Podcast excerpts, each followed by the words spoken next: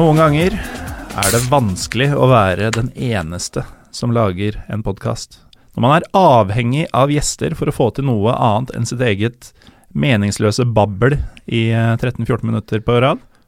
Det har vi prøvd før en gang, episode 13 tror jeg var. Det skal aldri skje igjen. Velkommen til en nødutgave av Pyro og Pivo. For denne uka så hadde jeg store planer om en ny gjest, en ny liga, og så falt det i fisk. Og så skal jeg bort til helga, og det er 16. mai-runde på torsdag, og det er kurs på onsdag kveld. Jeg måtte rett og slett få til noe nå. Noen ganger er det også fordeler med å være den eneste som lager podkast.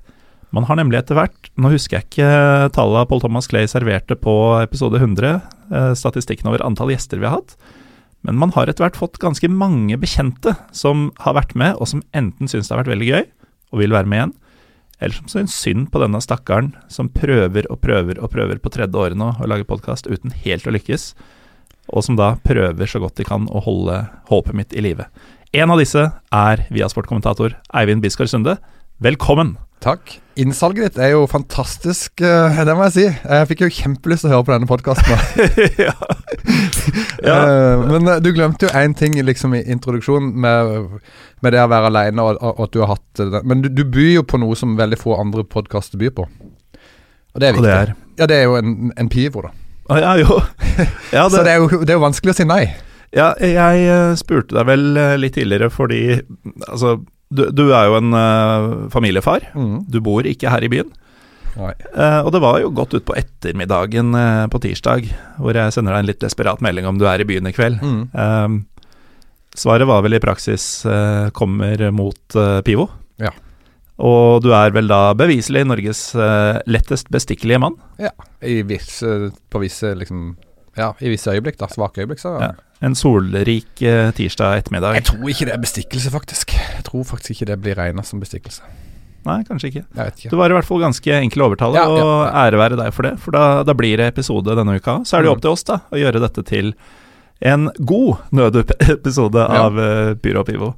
Uh, og så er det sikkert mange som blir litt bekymra fordi de er kanskje ikke så glad i tysk fotball, og de mm. kjenner deg først og fremst som uh, konnessør og kommentator eh, av uh, Bundesliga, både én og to.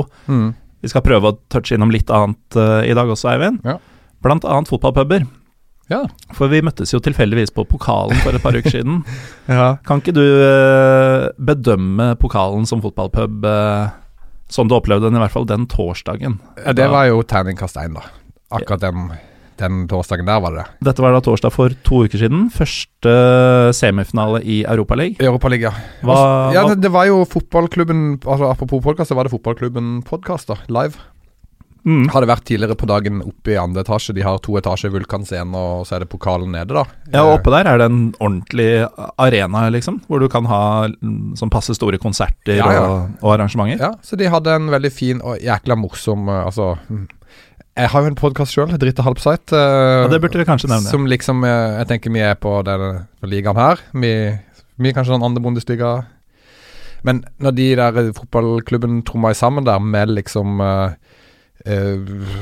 Bård Tufte Johansen og Det var ikke måte på av gjester, så var det ganske høyt. Det var ganske morsomt, da. Så mm. veldig fin start på kvelden. Um, og de opplyste jo tidlig, eh, i uka faktisk, eh, fotballklubben at ok, det Europaliga-semifinalen blir sendt etter kampen. Du kan enten se det ned, eller skal jeg jo sende det opp der, da. Mm. Uh, og det var jo to Europaliga-semifinaler. Arsenal og Chelsea, altså Arsenal i den ene og Chelsea i den andre. Og jeg hadde lyst til å se Chelsea mot Eintracht Frankfurt. Naturligvis. Det hadde jeg lyst til. Uh, men da viste jo nede der på pokalen, som vi da gikk ned for å finne et bord For det er oppe uh, på der som fotballklubben hadde vært, der skulle de vise Arsenal-Chelsea. Der var det 200 sitteplasser minst eh, to bare. Det var liksom alt du skulle til for å kunne se, og du skulle ha storskjerm, da. Mm. Så der kunne du se Arsenal-Chelsea, og så kunne du gå Arsenal ned Valencia. Arsenal-Valencia. Så kunne man gå ned, og så skulle der skulle de vise eh, Eintracht. Og så kom jeg ned, så viste de ikke Eintracht, det var musikkquiz. Eh, noe som var jævlig irriterende. Og så eh, sa de ja, de, helt inni hjørnet der skal det være Eintracht Frankfurt. Og da var det to skjermer inni et hjørne. Mm. Ja, greit. Eh, og resten skulle være Arsenal. Men da når de, de, i tillegg da kjørte lyden fra den andre kampen på liksom jævla høyt, og jeg prøvde å snakke med han som sto i baren, Og forklare han at eh, jeg har lyst til å se den kampen, og om det ikke var mulig, og det var liksom 200 seter oppe, de kunne se at det var ikke noe stress. Ja, og i tillegg så har de um, jeg, vet ikke hvordan det er i selve på en måte publokalet, men uh, de har jo en sånn scenedel også i førsteetasjen der. Mm. Der veit jeg at de har et separat lydsystem, for der Mm. kan du trekke for skilleveggen og ha et arrangement mens du fortsatt har TV-ene på lyd. Så, Og der gikk også Arsenal på en større skjerm enn de andre. Ja, og i tillegg til det, så var det jo ikke sånn at det var fullt. Altså, de, altså Det var jo like mange folk i det lokalet som sikkert tar eh, Jeg vet ikke hvor mange det kan ta, jeg. 200 folk, kanskje. Kanskje. Altså Det var jo det var kanskje 70 folk totalt der. Og det var jo nesten ingen som så på Arsenal-kampen. De, de, Folk var jo ferdig med kamp. Mm. Det var bare jeg som hadde lyst til å se kamp. og jeg var også bortom bartenderen og spurte om han kunne bytte om lyden. Mm. Jeg fikk litt sånn hånlig nei, rett og slett. Ja. Lyden skal være på Arsenal. Ja. Mulig han selv var Arsenal-fan, og at det var det som styrte. Nei, dette vet jeg. For jeg spurte han om eh, så, Litt full, kanskje. Bitte litt, men ikke sånn veldig. Det var, jeg, var ikke, jeg var ikke veldig full, det var jeg ikke. Nei Men, men, så, så, men jeg var, er jo litt påståelig, men så begynte jeg å diskutere, da. Og da mente han jo at han hadde da fått beskjed fra eieren om at de skulle ha lyd på Arsenal. Så han kunne ikke gjøre noe. Og så prøvde jeg å forklare at han kunne prøve å tenke sjøl når det var mange som hadde lyst til å se den andre og ditt og datt, men det Der ble han egentlig bare forbanna. Ja, han, var ikke noe du, du hadde tydeligvis vært der før meg. Ja. For han var ikke noe interessert i å, å ta denne diskusjonen. Altså, jeg sendte jo Jeg sa jo til det bordet du satt på, nå må dere gå bort Mm. og prøve å snakke han til fornuft. Men det er ingen av oss som fikk det til. Nei, det, det sto ikke i stjernene at man skulle få lyd fra Frankfurt. Så har man, fikk- man fikk jo da se den der enorme nedrullingstifoen, Mm. blant annet, uten noe lyd. uten noe lyd. Og jeg kom jo litt eh, ut i første omgangen, så jeg hadde ikke fått med meg det uansett. Men uh, musikkvisen var vel ikke ferdig da kampen starta heller? Nei, Det var den heller ikke. Så vi hadde musikkquiz i starten på kampen. Eh, og den, musikk, den delen av musikkquizen var at det sto en gjeng i en ring, og så spilte de ett sekund av låten, og så skulle du si liksom begynne å synge på hvilken låt det var, eller noe sånt. Mm. Så du fikk Så sånn sånn der Singing Bee-opplegg. Ja, du fikk sånn Altså, det var jo litt plagsomt, da. Men ellers Men jeg har hatt en veldig dårlig eh, Altså, jeg er inne i en dårlig steam på fotballpuben. Vi har en forferdelig fotballpub da jeg var i Frankfurt for noen uker siden Da. Ja, det er for så vidt eh, neste punkt på Altså, du gikk Mm. ved pause, så, så sint var du sint her. var. Mm. Men uh, neste punktet mitt er jo Frankfurt-turen deres, som uh, du nevnte jo, og det var elendig av meg å ikke si tidligere, men Mm. eh, du er jo programleder for en uh, ganske ny, men eh, etter hvert nå etablert uh, podkast om tysk fotball, Dritte mm. Halbseit. Sammen med Runar Skrøvseth og Asbjørn Slettmark. Ja, litt snikskryt der. Ja, det, har, det er veldig gøy. Mm. Kjempegøy, faktisk. Um, Jeg er veldig stolt av Befalet til Asbjørn Slettmark, det er jo noe å ha på CV-en. Ja, det er jeg vel ikke, men uh, jeg, jeg er stolt av produktet vårt. Ja, med rette, for det er uh, en av de absolutt beste podkastene i Norge. Ja. Eh, ja. Jeg, tøy, jeg tøyser, nei, jeg, tøyser, nei, jeg bare, jeg bare tøyser med produkt. Jeg syns det er et dumt ord å bruke, men det er greit. ja, men det har blitt et kvalitetsprodukt, enten du, enten du vil eller ikke.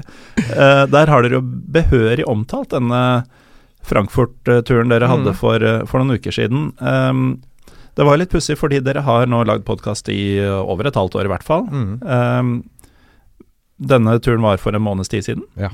Og det var første gang dere tre møttes. Ja, Altså alle tre, alle vil jeg merke. ja. Mm. Så det var egentlig veldig gøy. Eh, fordi vi hadde møttes på forskjellige kanter og sånn tidligere, da. Men eh, vi har gjort alt over internett. Ja. Aldri alle tre sammen. Aldri alle tre sammen før nå. Mm. Eh, så det var veldig gøy. Og det, det må jo sies at jeg syns jo at de episodene òg ble egentlig enda bedre. Sånn. For det er lettere å være i samme rom med noen nå. Ja, åpenbart.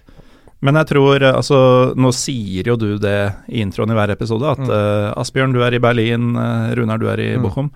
Men jeg tror ikke det er noe som man tenker over som lytter. At Nei. Hadde det ikke blitt adressert, så hadde man, ikke, hadde man kanskje ikke eh, visst det. Nei, så dere er gode til å få til den dynamikken uten å ha de åpenbare fordelene som du og jeg har nå. da At vi har uh, blikkontakt og, og kan kjenne hverandre på låret. Og, Ja, og det, men det som er liksom mo, uh, motsetninga med det vi driver på med nå, og det vi driver på med i Dritt Halvsatt, er jo at vi planlegger det vi skal snakke om i, i Dritt Halvsatt ganske mye, da. Eh, og eh, det må vi jo gjøre, fordi at Mm. du liksom skal vite eh, Nesten altså, Og der har jo Asbjørn vært kjempeflink, fordi at eh, at det at vi har et dokument som alle jobber i, og så skriver du nesten inn de spørsmålene du vil ha mm. sjøl, ikke sant. Fordi at det er ikke så lett å be om ordet, faktisk. F.eks. Når du sitter på Skype. Mm. Jeg, eh, jeg har jo vært gjest hos dere, Mm. faktisk, og da husker jeg ble imponert over dette dokumentet, Mm. hvor Hva skal vi si? Tysk disiplinert eh, alt virka. Ja, nei, vi har vært eh, gode der, men eh, det er jo det er jo, altså, Asbjørn er jo, en, er, er jo på en måte profesjonell på fotballkommentering, da. Men Asbjørn er jo en profesjonell mediemann, da. Mm. Og Runar er jo veldig god på Han har jo skrevet veldig mye for Jossimar og sånn, men det er jo Asbjørn som på en måte har regien, selv om det som er programleder, så er jo han som på en måte Mm. har det bakenom-greien som, uh, som gjør at dette her fungerer veldig bra, da. Det er litt sånn bakom-podden, merker jeg, til Dritt Outside. Ja. Uh, men uh, som sagt, dere hadde jo både én og to episoder om uh, den Frankfurt-turen. Eh, den ene tatt opp underveis i Ja. turen, og den andre en mer oppsummerende etterpå. Eh, så vi skal ikke gå altfor detaljert inn i hvordan du hadde det i Frankfurt, men Nei. det er jo sikkert noen av våre lyttere som ikke har hørt på alt av Dritt Outside, så Mm. eh, grønn saus har jeg skjønt var en greie. Det har blitt en greie. Ja, det, var jo, det er jo det de driver og spiser her nede, da. Og det, jeg syns ikke det smakte så veldig godt. Asbjørn mente det var veldig godt. Eh, Det var sesong for grønn saus nå, var det sånn? jeg tror det er alltid sesong for grønn saus, altså. Okay. Altså noe som heter handkese mitt musikk. Og det var jo uh, noe ost med noe løk. Det, var altså ikke veldig godt, men det var jo en Grønn del saus, håndost og uh, løk, som Ja. da ble omtalt som musikk. Ja. Tyskere, altså. ja. og, og Frankfurt òg. Jeg vil ikke anbefale det som by. Nei, eh, jeg har bare hatt en mellomlanding der, Mm. eh, og syns Da bare tråkka jeg litt rundt i, eh, i bykjernen, Mm. og, og syns det var koselig. Eh, men jeg har hørt at det er ikke all verden å by på utover det. Nei. Vi møtte jo noen fans Altså en ung, en ung som var liksom en sånn ultrasfyr. Som var litt rocker, da. Mm. Han hadde da flytta fra byen, han var 20 år gammel, så bare Ja, vi lurte på om det var noe sted å gå ut sånn og høre på rockemusikk og Nei, det, det fins ikke i Frankfurt. Nick Det- det Rock ikke. in eh, Frankfurt. Nei, det var liksom sånn. Så Nei, vi fant i hvert fall ikke ut, liksom akkurat det, eh, hvor ting skjedde i Frankfurt. Men en fantastisk fotballby, da. Absolutt. Og um, selv om vi ikke skal gå veldig dypt inn i det, eh, dere har jo Uh, unnskyld uttrykket, Mm. onanert til Frankfurt Uh, Dere har til og med Frankfurt-tribunelyd som en del av uh, Mm. det faste soundet i episodene deres. Eh, dere virker nesten å se på Frankfurt-supporterne som supporterkulturens guder. ja. Uh, og nå fikk dere omsider faktisk dratt og opplevd det selv. Mm. Levde det opp til forventningene? Ja, den kampen vi hadde var jo på en måte ikke Ja, det var ikke noe storkamp. De tapte jo mot Augsburg hjemme, liksom. Men Det er så typisk, det. det er typisk. Men det var jo sånn Altså, eh, Augsburg. ja, European hangover, liksom. Ja. Uh, hvor de hadde spilt mot Benfica på torsdag. Så, så akkurat den kampen var jo ikke liksom vill. Og stemninga på kamp, kampdagen var liksom ikke elektrisk, eh, vil jeg si. Men det å være i den byen på den torsdagen hvor det var Europaliga Mm. borte, det var jo fantastisk. Hvem var det de hadde, da? Benfica borte. Ja. Og da sto jo egentlig byen stille, da. Eh, og det var jo helt umulig å få seg sted å se kampen ute, f.eks. Det var jo en, en stor en, en vanskelig ting, da. Virkelig eh, Ja, og så å si umulig, da. Ja, ja. Eh, Hadde det ikke vært for at det visstnok ikke er noe som er umulig, så hadde det faktisk vært umulig. Fordi mm. da jeg hørte på den Jeg hadde vondt, jeg, da jeg hørte. Ja, på episoden deres som Ja, det var sånn at og jeg, Jakta på et bord. Ja, og de gutta hadde, gikk jo rundt i tre-fire timer før kampen for å finne et bord i en hel by. Mm. Og jeg kjørte taxi, at jeg kom jo seinere, så Først så tok jeg tog til hotellet fra flyplassen. Veldig enkelt. Det var jo fint med Frankfurt, det er jo veldig lett å komme seg inn til byen og sånn. mm. Men så uh, måtte jeg da på andre siden av byen, for de hadde jo gått gjennom hele byen. Og der skjønte jeg at jeg rekker ikke før kamp, så da tok jeg taxi. Og når jeg kjørte den taxien gjennom byen, så var det sånn Du så at folk løp på Mhm. gata for å på en måte rekke hjem, eller rekke dit de skulle, da, for da var det liksom 20 minutter kampstart. Uh, og da, da, var- da var liksom Alle i byen brydde seg om det. Men uh, det er jo to Frankfurt-byer. Mm. Eh, FSV eller FSV Frankfurt, er de fra dette Frankfurt eller det Mm. andre? Så det er to klubber, Ja. uh, men i praksis bare én. Det er i praksis én. Men det, Mm. det er en bydelsklubb, eh, den andre. Mm. Det ble mye forklart. Altså, de har vært oppe en gang, men det var sånn der De har ikke Nei, ikke Det er, det er ikke noe. Uh, fikk du noe inntrykk av hvordan eh, forholdet er til Mainz, som tross alt er på S-banelinja bare rett over elva der? Nei, det er vennskapelig, følte jeg. Ja, for det, det er jo et slags derby som jeg har hatt litt lyst til å dra på. Jeg synes syns jo Eh, og det har jeg nevnt tidligere i podkasten og fått litt pepper for, faktisk. Men jeg syns stadionet til Mainz er så fett. Mm. Uh, ikke nødvendigvis de beste supporterne, men jeg har lyst til å dra og se fotball der bare pga. de stup bratte tribunene. Mm. Uh, at det er et nytt, forholdsvis nytt, moderne stadion som virker å være bygget etter sånn Villa Park blueprints. Mm.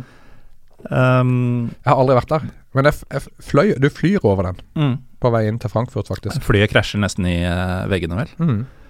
Men uh, det er altså Eintracht og kun Eintracht som, som er trekkplasteret hvis man drar dit. Det er jo Offenbach, da. Kickers Offenbach, som gjør hva så. Ja, Og Det er jo eh, på en måte nabobyen, men det, er jo, det ligger jo inni hverandre. Men det er jo nivå fire. Men det er jo det som er rivaleriet, tror jeg, i Frankfurt. Sånn, det som jeg oppfatta. Fortsatt, da. Ja, det Altså, du skulle vel... I hvert fall når vi de, de hadde sånn eh, anti-Frankfurt-ting på tribunen i Offenbar. så de Mm. åpenbart ja. var bevisst på det. Og det var sånn at når vi eh, Vi fikk Runar og de fikk et skjerf.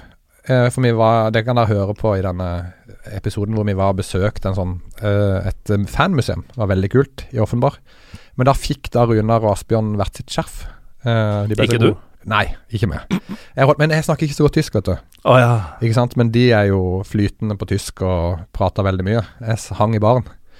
Ehm, og da fikk de sånn skjerf, og da var det sånn Gikk vi på kamp, hadde på skjerf og sånn, og så Da var det sånn, Runar, når vi kom kom på toget så, Nei, nå må vi ta skjerfet. Det skjønte han, da. Så da var det, måtte man putte det offentlige Offenbach-skjerfet i, i lomma. da. ja. Uh, nå hadde jeg egentlig tenkt, mens jeg huska det, å um, sjekke hvilke episoder uh, av Drita Outside som er fra og om Mm. denne Frankfurt-turen. Så ser jeg at uh, som de nykommerne dere er, Mm. dere nummererer jo ikke episodene. Ja, Dette har, vi, har gått opp på også. Ja. Men i hvert fall uh, datoene for uh, henholdsvis Live House Frankfurt og Langhelg i Frankfurt er 12. og 17. april. Ja. Så lyttere kan gå tilbake i Josimar-strømmen, faktisk, på, på iTunes-avspilleren deres. For dere er en del av Josimar-pakka. Ja. Det er egentlig litt tilfeldig, men jeg tror det er bra for oss òg. Ja. Sånn, Det, For da begynner du liksom ikke helt på bar bakke. nei, dere blir tatt på alvor. Ja. Og så får dere veldig få lyttere i Molde, antagelig. og blant Stabæk-fans. Men eh, ja, det har jeg ikke tenkt på. Nei, vi har heller ikke noe særlig lyttere i Molde lenger. Men uh, fra den tyske sesongen eh, generelt, da, den er jo nesten slutt nå, Mm. Eivind. Um, hva tar kommentatoren med seg fra årets sesong? Først og fremst, det er avgjort, ikke sant? Nei, det vil jeg ikke si. Nei, men det er ikke det. Langt ifra. Uh, Langt ifra. ja, altså, det er jo ett poeng uh, Altså, Bayern München må ha ett poeng hjemme i siste kamp for å vinne For å vinne ligaen. Ja, og det er langt ifra avgjort, altså. For de, må, de spiller mot Eintracht Frankfurt. Som Ja, de er jo ikke helt ferdige, faktisk. Eintracht Frankfurt er ikke ferdig, for Nei. Eintracht Frankfurt kan jo Altså, dette har vi, jo- vi har jo nettopp hatt en episode i dag, Drita Halbsøy, for dette er litt vanskelig. Men Eintracht Frankfurt kan enten få Champions League, de kan få Europaliga, eller de kan få null og niks Mm. i den siste kampen. Ja. Uh, Det er stort sprik, altså. Det er veldig stort sprik. Så det er så tett. Mm. Uh, og, og mens uh, Dortmund skal da vinne mot Glabber borte, som heller ikke er lett. Så det er jo to vanskelige kamper, men det blir veldig gøy akkurat de 90 minuttene det skjer, da. Mm. Hva sier magefølelsene? Nei, helt ærlig så tenker jeg at jeg, li- jeg tror det er litt 50-50, faktisk. Og jeg, jeg, jeg tuller ikke nå, fordi Bayern München hadde jo denne her Liverpool-kampen, hvis, du husker- hvis du husker den. De hadde et godt resultat Ja, ja. fra bortebane, og trengte jo egentlig bare uavgjort hjemme Mm. for å ha muligheten til å gå hele veien. Og da ble de litt sånn passive, og da gikk det jo skikkelig ad undas. Samtidig som at Eintracht Frankfurt på sitt beste Altså, de burde jo ha slått ut Chelsea borte. Burde det. I, altså, utover, utover i den kampen så burde Mm. de gjort det. Uh, så, Men så tapte de Altså, de fikk jo rundhjuling av Antony Uja et par dager etterpå. da. ja, men da var det European hangover, selvfølgelig, men kan skuffelsen derfra, altså ikke fra Mainz-kampen, men fra Chelsea, strekke seg så mye lenger, tror du, at eh, den fortsatt gjør seg litt gjeldende nå mot Bayern? Kan det, men det har jo at de har da denne her De vant cupfinalen mot Bayern i fjor. Mm. um, mot gamle treneren. Altså Det er ganske mye ting som uh, som står som, som, som du kan tenke at de, de kan få til det, men Bayern er jo helt klart favoritter. Men mm. det har jo ikke vært Selv om Bayern har gjort det bra nå, så har det ikke vært Bayerns sesong. Og hadde Dortmund tatt vare på sjansene sine uh, i løpet av sesongen, så hadde jo tittelracet vært over. Mm. Så, så det er jo mer egentlig, sånn som jeg ser det, at Dortmund har tapt Tapt seriegullet enn at Bayern har vunnet det i år, egentlig.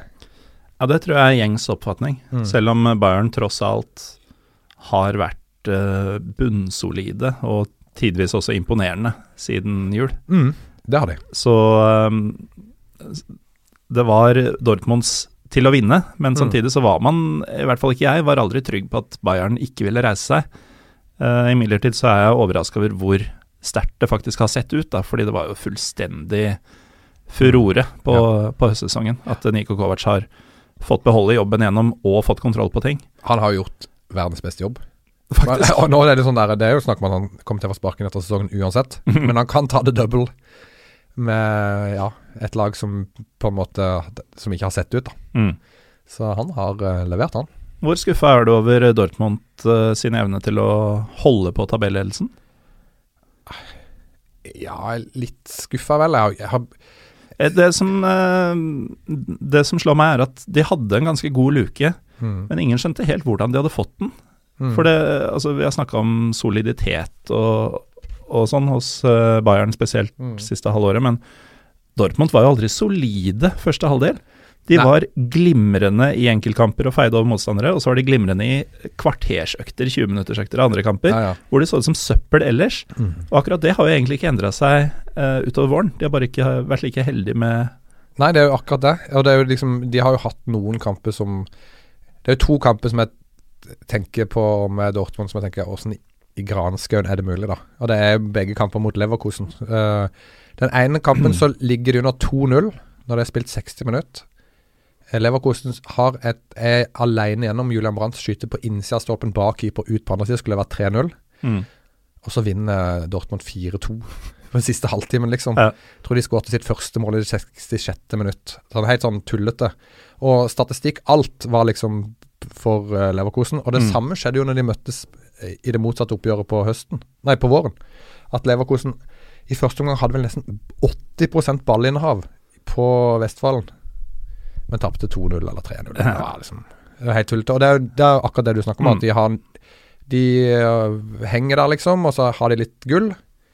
Og så får de noen mål. Men nå har de jo Hvis du så uh, Werder Bremen-kampen, så var det jo et megatabbe plutselig av keeper, liksom, som gjorde at de slapp inn Det var et skudd som gikk mellom beina fra 20 meter, f.eks.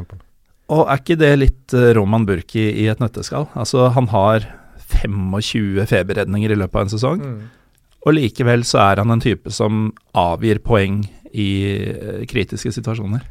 Ja, men han har redda mer enn han har avgitt i år, da. Det har han. Han eh, hadde han ikke hatt de grove tabbene, Mm. eh, bare hatt liksom en og annen Den kunne han antagelig ha tatt. Um, så hadde han vært regna som en av verdens aller beste. Ja, ja. Men hvor uh, spesielt var det ikke at det var Claudio Pizarro som skårte det siste målet for uh, Werder Bremen da, og gjorde sånn at uh, Dortmund på en måte Hadde Dortmund vunnet den kampen, så hadde det jo vært ett poeng foran. Mm. Ja, så han kan Claudio Pizarro i en alder av hva er det nå, 62? Ja, nei, nei 73. Ja. Kan faktisk eh, indirekte ha avgjort gullet for sitt gamle, eh, kjære Bayern. Sannsynligvis har han gjort det. Ja. Hvor han for øvrig fikk eh, stående applaus da han kom innpå som Bremen-spiller et par uker i forveien. Ja, ja. De elsker han jo. Ja, og det, det var da før denne skåringa. De elsker han i hvert fall nå. Uh, men det var gullstriden. Hva, Mm. hva annet har du med deg fra årets sesong? Hva er historiene? Historien, ja. Nei, det, det, egentlig så er det vel eh, det, det kom litt overraskende på. Eh, Jaden Sancho er jo en helt klar sånn en spiller. Jeg syns òg at um, ja, Düsseldorf har jo overraska veldig, faktisk. Veldig. Jeg Trodde de skulle ligge helt nede i bunnen. Tapte jo 7-1 mot Eintracht Frankfurt på et tidspunkt Mm. der. Fem mål av Jovic, og så har de jo bare stabilisert seg, liksom. Det var My Name Is Luca-kampen. Da Mm. han gikk fra å være litt sånn perifer, en av mange itcher på Mm. laget, til Mm. å bli en som var på alles lepper. Ja, og de har på en måte òg tatt poeng borte mot uh, Bayern. 3-3 der. Slo uh, Dortmund hjemme. Så de har på en måte òg vært med Ja. og tulla i den gullkampen, da. Ja. Dodi Lukebakio. Skal til Chalke kanskje nå, Mm. visstnok. Nei, også det har vel uh, tatt med meg. Så må jo si det at uh, Leipzig nå skal vi, vi har jo snakka om det før, men uh, fortsatt veldig imponerende, da. Mm. egentlig ikke kjøpt noen spillere. Nei, det er mer imponerende nå enn Altså ikke da de var nyopprykka, det var veldig imponerende. Mm. Men i fjor var det jo på det jevne. Og så tenkte man kanskje er det litt over. Keita forsvant, og, Ikke sant? og så er de jo ja, på nivå med det de var for to år siden. Nei, de- de er bedre. Ja. Og de er jo nå sånn at de kan vinne cupen. Skal møte Bayern i finalen. For en Eh, uspiselig cupfinale, for øvrig. Du er selvfølgelig ikke enig, som stor fan av både Uli Hønes og eh, Red Bull. er det dette min Men- drømmefinale, selvfølgelig. Eh, nei, men, men de, altså, de har mista sånn Nebba Keita der. Um, ikke handla inn noe nytt.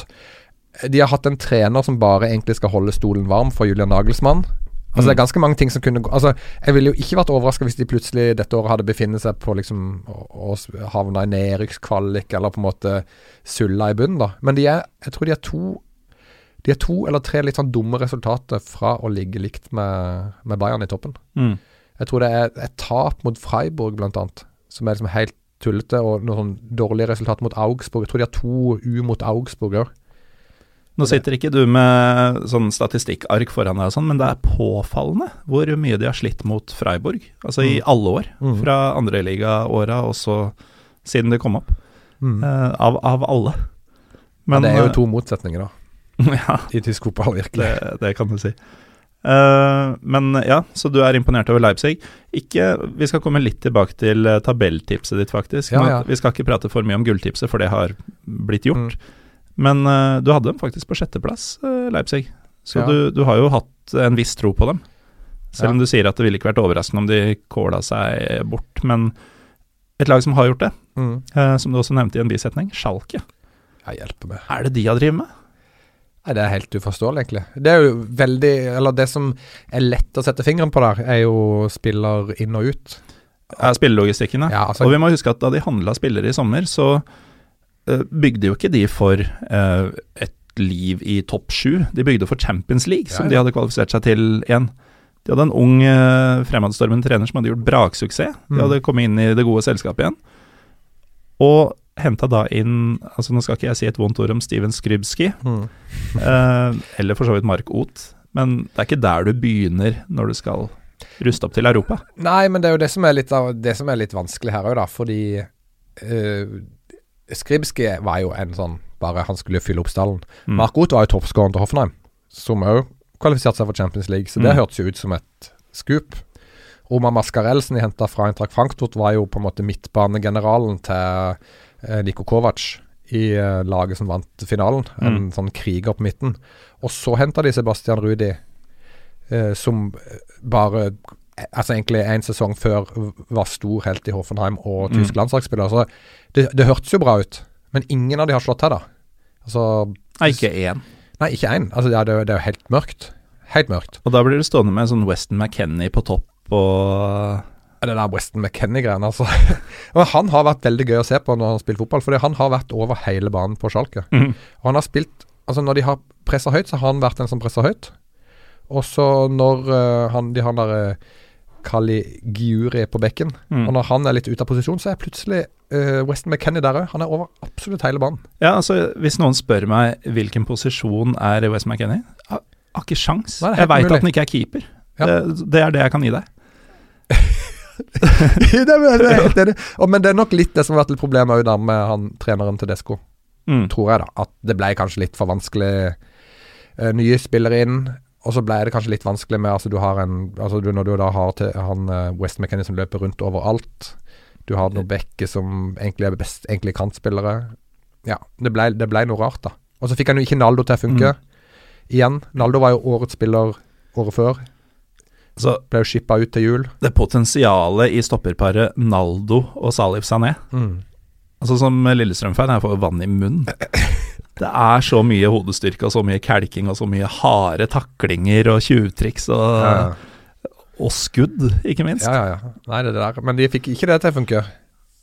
Det gjorde de ikke. Nei, det gjorde det ikke. Så bytta han jo keeper til jul. Altså, Mm. det, altså alt Det var sånn bare alt gikk galt. Ja, og det, er har blitt sånn det, det, Jeg sitter igjen med inntrykk av at uh, Schalke er sånn lag som ikke er et lag lenger. Det er bare en sånn tilfeldig sammenraska gjeng med spillere. Mm. Eh, som både da Altså, det er ikke noen sammenheng i, uh, i stallen, altså hvem som er der. Mm. Og det er i hvert fall ikke det, hvis du ser på elveren, hvem som spiller hvor, Hvorfor spiller han og ikke han, osv. Mm. Um, mye å jobbe med for, uh, for nestemann. Så røyk jo Tedesco, og hvem kom inn, uh, Eivind? Ja, det var jo Hoop Stevens, det. Ja, Og han vant 4-2 på Vestfold mot eh, Dortmund og ødela tittelhåpet deres. jo, han gjorde det, men altså Her har de hatt så mye baller og ansatt Tedesco. Mm. Uh, hadde kortsiktig suksess med det. Og så går det litt på tverke, og så er det rett tilbake til Men det var for ikke å rykke ned, da. Han, skal jo ikke, han fortsetter jo ikke. Nei da, men det, det er så bakstreversk, Ja. selv, selv om det funka. Jeg, jeg, synes jeg, likte, jeg likte det litt, altså. Ja, det er gøy, Vel, ja. men det er, det er også døvt. ja. Det, men det som er Har dere hatt noen sånn spesialepisode om Schalke eller noe noen gang? Nei. Fins det noen å ha, invitere der? Um, det bør jo gjøre det. Frode Groda har jo spilt der. Eh, jeg bare tenker at det er en så fascinerende klubb, da. Uh, du, Jeg skal, du jeg skal dra og se dem på lørdag. ja, for når du, er, når du ser den banen på TV, og, og du er på stadion, så virker det Det er jo så moderne og kult og liksom Men, Mm. men uh, Gelsenkirchen er jo det største hølet. Ja, Fattigste byen i Tyskland, eller noe sånt. Ja, det er I hvert sånt. fall i vest. Ja, og det er liksom gjenspikra vinduer, og det, det, det er ikke noe Det er ikke så mye som skjer der, liksom, bortsett fra fotball. Og Mm. all, hele byen er jo medlem i klubben, så å si. Det er jo Mm. den nest største klubben etter Bayern München i antall medlemmer i Tyskland. Og det er ikke den nest største byen. Nei, nei, nei, langt ifra. Uh, og så har de jo da fått fram den derre Den ville generasjonen med spillere som er kommet, da. Altså Øzil, Neuer, Draxler, Goretzka, uh. Max uh, Maier Ja, nå er jo Matip, som er i Liverpool Altså, han har jo vært Altså, det er bare sånn en rekke, den er så lang, da, Mm. fra det stedet, og så Så det, det, de har sånn to, to ansikt i den klubben, da, eller, og det sted og sånt, som er veldig Mm. Jeg syns det er kjempefascinerende. Jeg, jeg gleder meg. Det blir eh, første turen min til, eh, til Gelsenkirchen og til Feltins Arena. Mm. Og Nå er det en match eh, mot eh, Stuttgart som eh, ikke har noe å si for noen av dem. Eh, Stuttgart seg, de forbereder seg til eh, relegation, Mm. som blir mot enten eh, Paderborn eller mer sannsynlig Union Berlin. Ja. mens Schalke har redda plassen og kan ikke gå noe sted. Så sånn sett lite antiklimaks, men samtidig mulighet til å se den eh, blå veggen, om du vil, Mm. uh, utfolde seg uten nerver eller, uh, eller sinne. Det- Vi har et par ting der om Schalke når vi er i gang, da. For det første så var det det at de mista noen spillere. Og Det var jo Goretzka, Max Maier og han uh, Tilo Kehrer. Mm. Det er jo gode spillere, liksom. Ja, ja. Så de, de forsvant ut. Men fansen til Schalke, de tok jo Har du fått med deg det? De tok kapteinspinnet fra, uh, fra laget under sesongen nå, når det gikk så dårlig. De tok kapteinspinnet fra laget. Ja, altså de tok um, Altså, etter forrige sesong, så gikk så jæk, når det gikk så jæklig bra, så de kom, ble nummer to i serien og sånn. Mm. så hadde de fått lagd et spesiallagd kapteinspinn, som de da Som da uh, uh, Ultrasen hadde lagd, ga det til, til klubben. Å, Så ja. det, dette skal kapteinen få lov til å bære liksom på vegne av oss. Da er vi liksom fansen og laget, alt er sammen. Det er fett. Men det var jo ikke fett når det gikk dårlig. så på et eller annet tidspunkt så ble eh, I løpet av den sesongen så ble Benjamin Stamboli avkrevd Altså han måtte gå bort Mm. til den veggen, og så måtte han gi fra seg kapteinspinnet. Det er eh, bokstavelig talt en vegg som gir og tar. Ja. For eh, når det går bra for Schalke, da er jo spillerne i kø til å stå i det Capo-tårnet og starte sanger, og Mm. det er jo en eh, hva skal vi si, spillermedvirkning på tribunen som, eh, som man se, ser veldig sjelden hos så store klubber. Ja. Eh, du kan se det inniblant på norske stadioner, liksom, at en eller annen spiller har fått en megafon ut på banen for å starte et eller annet etter Mm. en seier, men du ser jo altså, Nå skal vi ikke demonisere England noe mer enn andre, men ser du det andre steder i Tyskland? Ser du det i Italia? Ser du det i England? Ser du det i Spania? Jeg tror ikke det, altså. Det er en veldig sånn sjalke greie. I hvert fall noe Mm. som skjer oftere der enn andre steder, er jeg ganske sikker på. Ja, Tedesco var jo oppe der når, vi, når jeg var der mot Schalke Dortmund i fjor, Mm. når de vant. Schalke, da var jo han oppe etter kampen og kjørte Kjørte hele show, showet Mm. der. Ja, og Raoul har vært der, Ja, ganske kul, eh, kul stol sånn sett. det er det. Men, men det er jo en helt altså, Men Og det som jeg tipper du liker best eh, med liksom fotballtribuner sånn, det er jo at det er litt sånn gammelt og rustikt. Eh, ha Nei, den der Ja, jeg, jeg liker jo det, men ikke nødvendigvis. Nei. Så lenge det moderne eh, ikke blir plast. Nei, for det, det er jo det jeg, Det følte jeg når jeg var på Altså, det er en sånn moderne, kjedelig Ja, det er ikke, det er ikke et sånt ekte fotballstadion, da, som uh, Hvis du da har vært i Borchum på Ror stadion først, så er det en, det er en veldig stor kontrast, da. Runar Skrøvseth skal jo være med litt uh, under protest. Han vil jo Mm. mye heller dra på Vatnscheid eller uh, en annen regionalligakamp, men siden vi er såpass mange turister som ikke hadde vært på Feltins eh, før, så, så ble han bøyde han seg for den moderne fotballturismen, som han vel kanskje eller kanskje ikke kalte det. Ja, Uh, han så Schalke en stor skuffelse, selvfølgelig. Um, Leipzig positiv overraskelse. Dortmund også, må man vel si, i det store og det hele. Ja. Uh, med tanke på hvordan man så på det før sesongen. Definitivt en stor uh, positiv overraskelse.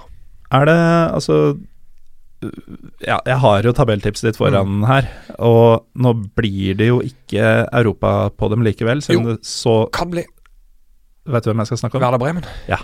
Kan bli det. Som var ditt tips på sisteplass. Ja. Hva drev deg til det? Nei, jeg syns han Delaney hadde vært veldig god for dem. Det hadde han. Uh, og han gikk til, eh, til Dortmund. Og så had, har de jo kapteinspinnet på Max Kruse, som er, ja, som var, som er en sånn løs kanon. Du er tilgitt for ikke å ha klokkertro på han før sesongen. Ja, ja. Og så, men i tillegg så henta de jo inn Altså, hva henta de inn?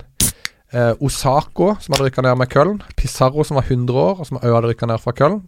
Og så var det David Klasen, som kom uh, fra, Fra et mislykka opphold i Everton, men som veldig kort tid i forveien var strålende for uh, Riktig, riktig. Men han, han var ikke god det siste året. Så jeg syns de hadde henta inn mye rask, rett og slett. Og så hadde de jo da en målsetning om Europa, Mm. som jeg tenkte det der kommer til bare å krasje, da. Helt. For at den stallen der er jo liksom ikke i stand til å spille den fotballen. Men jeg tror jeg undervurderte treneren K-felt, som har vært veldig bra. De har spilt veldig god fotball òg, mm. som har passa de veldig bra. Så der må jeg jo ta spise mine ord. Har du også undervurdert uh, Eggerstein-gutta, tror du? I hvert fall Maximilian Eggerstein, ja. Jeg syns han Johannes har liksom ikke helt Han har ikke kommet på meg ennå, men Nei, men eh, Maximilian det er en nydelig spiller. Ja, veldig fin. Og på en måte litt sånn moderne midtbanemann som kan løpe og skyte og Mm. jobbe og Ja. Ja, han, eh, han kan bli alt det Kristoff Kramer ikke har blitt. ja, det er en god sammenligning, egentlig. Ja, men det er jo det. Litt, litt mer slepen enn Christoph Kramer, kanskje. Mm. Eh, og så har jo du og jeg og alle i hele verden eh, undervurdert eh, Max Krose. Ja. Eh, for en sesong han har hatt, og ikke minst en fyr som jeg i hvert fall ikke hadde hørt om, eh, men som virkelig har eh, satt seg en runde på meg. Milot Rashica. Rashica, som jeg lærte uttalen av det. Ja takk, og jeg lærte det av min kosovo-albanske kollega. Ja. Nei, han, de, de to har vært kjempegode sammen. Uh, jeg vet ikke, altså Max Kruse, det, det Hva faen skal du si, liksom? Han uh, Han kan godt være dritt igjen neste år. ja, For- for- og- og- for så å komme igjen om tre år. Du vet at han, han, er på utgående kontrakt, Mm. og du vet hvorfor han ikke vil skrive ny kontrakt? Um, han håper på Bayern eller noe sånt. Han håper på en større klubb. Han er jo over 30. Han er jo det, men han, han må jo også Han er kanskje ikke typen til det, men man må jo innse realiteten etter hvert. Nå har han vært så mye rundt omkring, og med vekslende hell, så har han fått en ny vår i en uh, tross alt stor klubb, Mm. hvor uh, han får lov til å være Max Gross, virker det som, og, Kaptein. og folk setter pris på han. Barndomsklubben, Mm. liksom. Og så Han, han, han, sånn- tar han den. han er så type. Og så var det sånn der før den der eh, en, Eller var, ja, før disse semifinalene De var jo kjempeuheldige, vet du, at de ikke gikk til finalen i i tyske cupen. For de Mm. fikk jo et uh, Det var jo en sånn spesiell straffesituasjon der, som vel ikke var straffe, så vidt jeg husker. Uh, men da ble jo Rummenigge og disse gutta i uh, Bayern München spurt ja, kan Max Kruse være aktuell for dere. Nei. Og dette er gutta som i hvert fall prata om å fornye kontrakta til både Robben og Ribberi bare for å være game. Mm. Uh, men Krose skal de faen ikke ha. Han skal de ikke ha. Han har vært, han har vært veldig god. En, han er, men han er en veldig god fotballspiller. Altså, sånn, det, problemet hans er jo at han har et image som Som klinger litt dårlig. Altså, han har, driver og spiller mye poker, Mm. spiser bare Nutella. Ja. Og det er liksom bare tull og tøys. Det er mye tull og tøys med Max Krose. Før vi forlater Tyskland, eh, Eivind. Mm. eh, nordmenn. Rune Jarstein selvfølgelig hatt en ny god sesong. Mhm. Um, er det noe annet å dra fram positivt blant de norske spillerne i tysk fotball? Ja, Per Siljan Skjelbred har jo på en måte kommet tilbake igjen og fått en sånn stor stjerne. Altså Han har spilt en del Mm. uh, og blitt en Stått fram som en sånn veldig viktig spiller for Hertha Berlin, da. Mm. Men ikke fordi at han har spilt veldig godt, men som type å få veldig mye skryt av treneren og sånn. Og fikk jo fornya kontrakt. Han gjorde det, til tross for høy lønn. Ja, Så han, eh, han, har, han har gjort det veldig bra. Ellers er det jo veldig lite å prate om. Mm. Uh, Mats Møller Dæhlie har du sannsynligvis sett nesten mer enn meg. Ja, han har jo blitt veldig populær i St. Pauli. Eh, og så er det vel Det er kanskje mer fordi man hadde null forventninger på forhånd, men Iver Fossum har vel spilt mer enn uh, man hadde trodd, kanskje. Han fikk jo ingen Han har fått null tillit under ny trener, da. Mm. Thomas Doll. Ja, men det starta ok. Han, han fikk jo spille mer i begynnelsen av første Bundesliga enn han gjorde omtrent hele tiden da han var i Hannover i andre. Uh, men det er jo klart, det er et halmstrå å gripe etter hvis man skal se etter suksesshistorier fra tysk fotball. Og så har eh, Julian Ryerson, eh, som jeg ikke helt skjønte hva ble henta for, Mm. eh, faktisk fått spille noen kamper for Union og gjort det ok pluss Mm. de gangene han har fått det. Men det er ikke noe, det er ikke noe sånn stor norsk bastion i tysk fotball for tida. Men det, det har jo forandra seg helt. Mm. Det er litt rart. For da jeg begynte å jobbe med det for noen år siden, så var jo det var så mye tyskere, nei, nordmenn i Tyskland. Vi hadde jo Håvard Nordtveit i starten på sesongen, Mm. som spilte litt for Hoffenheim. Men ble jo shippa ut, da. Han hadde jo ingen suksess nå. Tilbake igjen. Begynner å bli en stund siden han hadde noen suksess. Ja, Men landslaget skal være på. jeg syns han er god, men uh, han har ikke vært så god i det siste. Jeg kan mene det. Um, Men uh, vi må jo uh, Han Ryerson. Ja. Det som er litt gøy med han, det er jo at jeg har spilt fotball med onkelen hans. I Mandalskameratene. apropos halmstrå, si. Så du og, du og onkel Ryerson spilte sammen? Er, er, Roger, Roger, Roger Rasmussen. Altså, Ryerson er fra Lyngdal. og du er fra Mandal? Og det er som uh, Kløfta og Jessheim, eller? ja, noe sånt. Uh, Eller eh, Lier og ha, Hva heter det for noe? Ikke Hakadal, men uh, nei, Heggedal? Ja, noe sånt. Det er ikke det, det er så Det, det er ei bygd imellom, da, egentlig. Mm. Det er Mandal, Vigeland, Lyngdal. Hvem hater hverandre? Nei, ja, vi hater Eller det er kanskje ikke så mye hat der nede. Jo, jo, jo. Hat, altså Nei, vi hater jo alle, da. Gjør jo det. Det er ikke noe å tenke på det. Mandalittene, er det Ja. det dere kaller dere? Vi hater vel mest kristiansanderne, da. Ja. Det Men det er sånn jeg håper å si Ødipus-kompleks, lillebror-kompleks, eller er det grunn til å hate kristiansanderne? Nei, for meg så har det alltid vært hatt god grunn. Det har jeg hatt. Nei, altså, det, det var helt fra jeg var liten og spilte fotball, så så hadde jo de fra Kristiansand De hadde gelé i håret, f.eks. Det var- Mm. Jeg brukte jo ikke mye. Altså, det, var, det, det begynner jo der, da. Kom til bygda og hadde litt nedlatende holdning til uh, fasiliteter og sånn. Ja. Mm. Ja, men det, det er klassisk eh, bredde, og vi, vi snakker egentlig sjelden breddefotball i Pyro Pivo, bortsett Mm. fra selvfølgelig hvis det gjelder fransk 13. divisjon eller rumensk 4. uh, men eh, ditt kjære Mannkam, som jeg liker å kalle dem, Mandalskameratene Det er, ikke riktig. Mann kan man ikke riktig. Det har aldri vært riktig å si. som jeg liker å kalle det. Ja, men du liker jo å være korrekt. Ikke alltid. Å, nei. Eivind Buskarsheim. Ok. Ikke alltid. Um, hvordan, hvordan er det med Altså, dette er jo din barndomsklubb, er det det? Ja. Og din klubb som voksen, holdt på å si, proffspiller. Ja. Så det, var, det, er, det er Og du har jobba i klubben nå, har du det? M, MK er, det er bare MK i Mandal, altså. Det er bare én klubb. Mm. Så du kan på en måte ikke være i noen andre klubber når du er vokst opp. da Nei, med mindre du spiller for Lyngdal eller Vigeland. Ja, da er du ikke for Mandal, da. Å nei, du, du får ikke flytte fotballskoa utafor uh, Nei, det er det ingen som gjør. Nei, det, det gjør man ikke. Det gjør man ikke. Hvordan er det med dem? Mm. Dette er jo klubben som eh, Øystein Streisbetalen, nå blitt uh, høyreekstrem gærning, Mm. eh, om han ikke alltid har vært det, um, omtalte som varen levert. Ja. Etter å ha spytta inn x antall millioner i Vålinga, så rykka de ned til det som da, og for alltid burde hete, førstedivisjon. Ja. Eh, hvor da også Mandalskameratene hadde forvilla seg opp til. Mm. Det skulle da være en av Vålingas motstandere i sesongen 2001. Eh, høydepunktet i MKs historie, kanskje? Nei, ja, høy høydepunktet i MKs historie er jo det året eh, som er sannsynligvis 2003, tror jeg, hvor MK slår Start tre ganger på en sesong. Mm. i første divisjon. Altså to ganger i første divisjon og én gang i cupen. Altså, de ble værende i første divisjon i noen år. Ja, altså Det året der hvor uh, Spetalen var inne og prata, da rykka de jo ned igjen. Det var det ett år da, og så et par år i andre, og så opp igjen. Ja. I 2002, tror jeg. Og så var jo i, i væren seg en stund i første divisjon. Mm. Og lukta jo nesten på opprykk der et lite øyeblikk. Det har jo kjempe, kjempe, kjempegodt lag, da. Etter uh, noen år med han Atle Roar Haaland var kaptein, som Ja, ja. senere gikk til Start og Mm. spilte proff i Danmark. Og Leif Gunnar Smerud spilte jo, som uh, nå er U21-landslagssjef. Ja. Han var veldig god. Han har vært i Lillestrøm. Han har skåra nesten fra midtbanen for Lillestrøm. Han var jo der, og Eivind Karlsbakk spilte jo en sesong. Det var et Altså, MK i den tida der, det var et eventyr. Hvordan fikk de alle disse gutta? For dette var jo altså både Eivind Karlsbakk og Smerud Mm. Eh, muligens litt på hell på den tida, men de var jo etablerte spillere på, i hvert fall tidligere hadde vært, på det øverste nivå. Ja, jeg tror um, Jeg lurer på om uh, Leif Gunnar Smerud hadde tatt et sånt hvileår. At Mm. det var det som var greia. At han hadde på en måte tatt et friår eller noe. Ja. Så det var på en måte et sånt steg tilbake for han. Uh, Atle Roar Haaland uh, var jo ingen før Nei. han kom til MK. på en måte Han hadde Han hadde egentlig vært idrettsinvalid. Spilt i VIF. Han, han var et sånt stort talent da han var liten, men så fikk han en sånn hodeskade. Mm.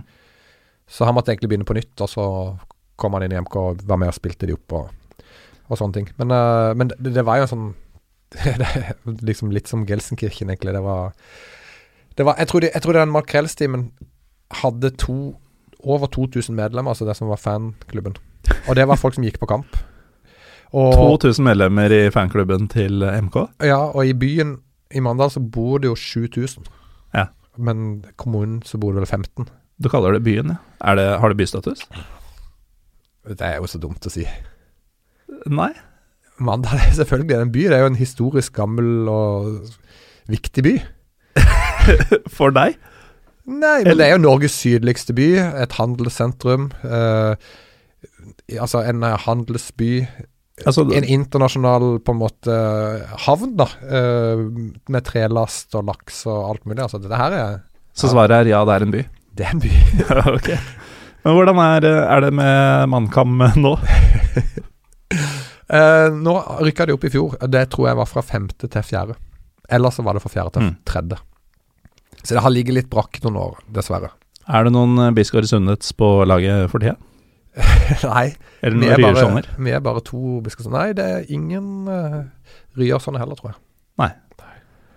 Nei. Nei. Så, Så der uh, lysere tider i vente, kanskje? Eller blir det sånn ja, pro Problemet for MK nå er jo at når MK spilte i, i uh, førstedivisjon back in the days, så var det jo starta MK på Sørlandet. mm.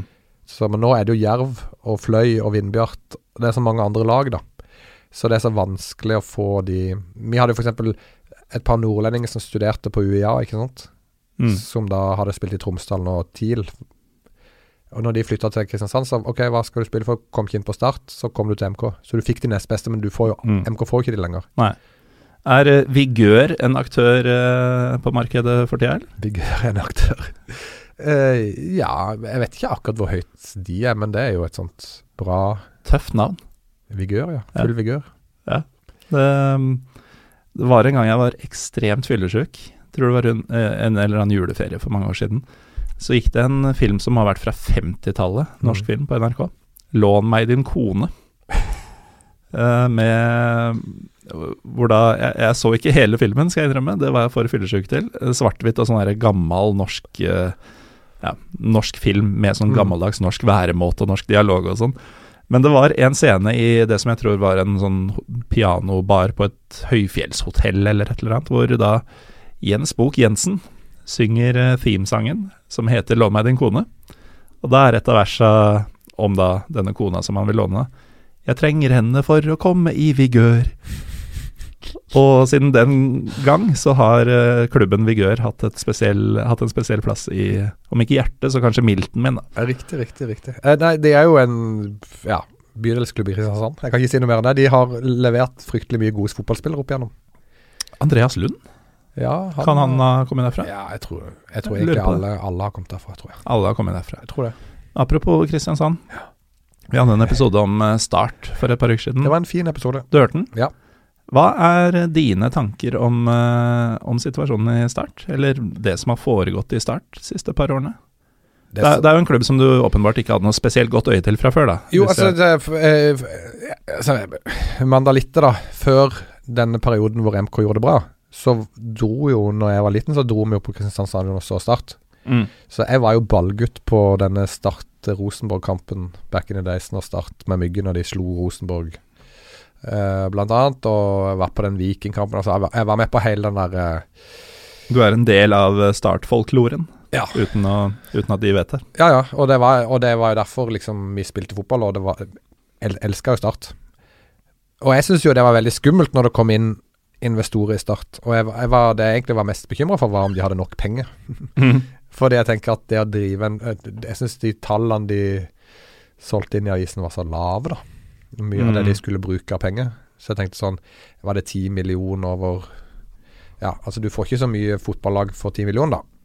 Uh, det, altså det var ganske sånn, og det var ikke så lang tidsperiode. Og da uh, kjente jeg at jeg var liksom redd hva skjer den dagen de på en måte trekker seg ut, da. Ja. Så det var jeg bekymra for, og så har det gått ganske dårlig. Men det som jeg syns er bra, er jo at de har Jeg syns jo at Jeg kjenner jo noen av de folkene de har knytta til seg, da, på en måte. Han Atle Roar Haaland, som jeg nevnte i stad, mm. han er jo sånn utviklingssjef der. Og sånn. Det er jo megasmart type. Og det er mange sånne folk som jeg tenker er intelligente, bra folk. Mm. Og noe av det som Start alltid har vært uh, dårlig på På Sørlandet syns jeg at de har ikke inkludert resten av Sørlandet. Altså, du ser en spiller som uh, uh, Strandberg, som er i Russland nå.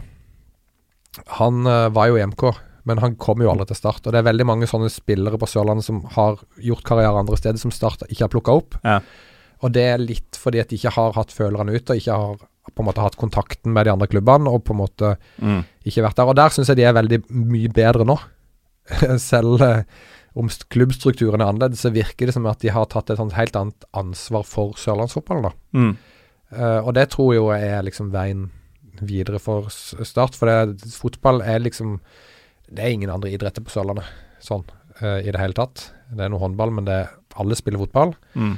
Og det er veldig få konkurrenter for Start. Så du har et sånt omland og en sånn geografi En sånn, veldig sånn enkel geografi, da, å forholde deg til. Ja. Så hvis du gjør det godt, hvis en storklubb gjør det godt og pleier de kontaktene og, og får det til å gro, så vil den klubben få lokale spillere som gjør det bra etter hvert, tror jeg uansett. Men det er jo en nøkkel eh, gjerne for klubber som ikke har noe særlig penger. Mm. Det er jo Første bud er å være ute i lokalfotballen, være ute i miljøene. Mm. Eh, få gode relasjoner med de mindre klubbene som produserer talentene på et nivå to-tre mm. under. Eh, og knytte til deg disse fort for en billig penge mot ja, hvilke ytelser du mm. kan gi. Det er litt rart at uh, Start måtte få enormt med penger for å lære seg det. Mm. Ja, så har det jo vært helt enerådende i alle år. Så de mm. har jo all, altså det er jo det Med unntak av de der etter et år hvor MK slo de, så, så jeg, de er jo ubestridt at De har jo ikke trengt å gjort det heller. Nei.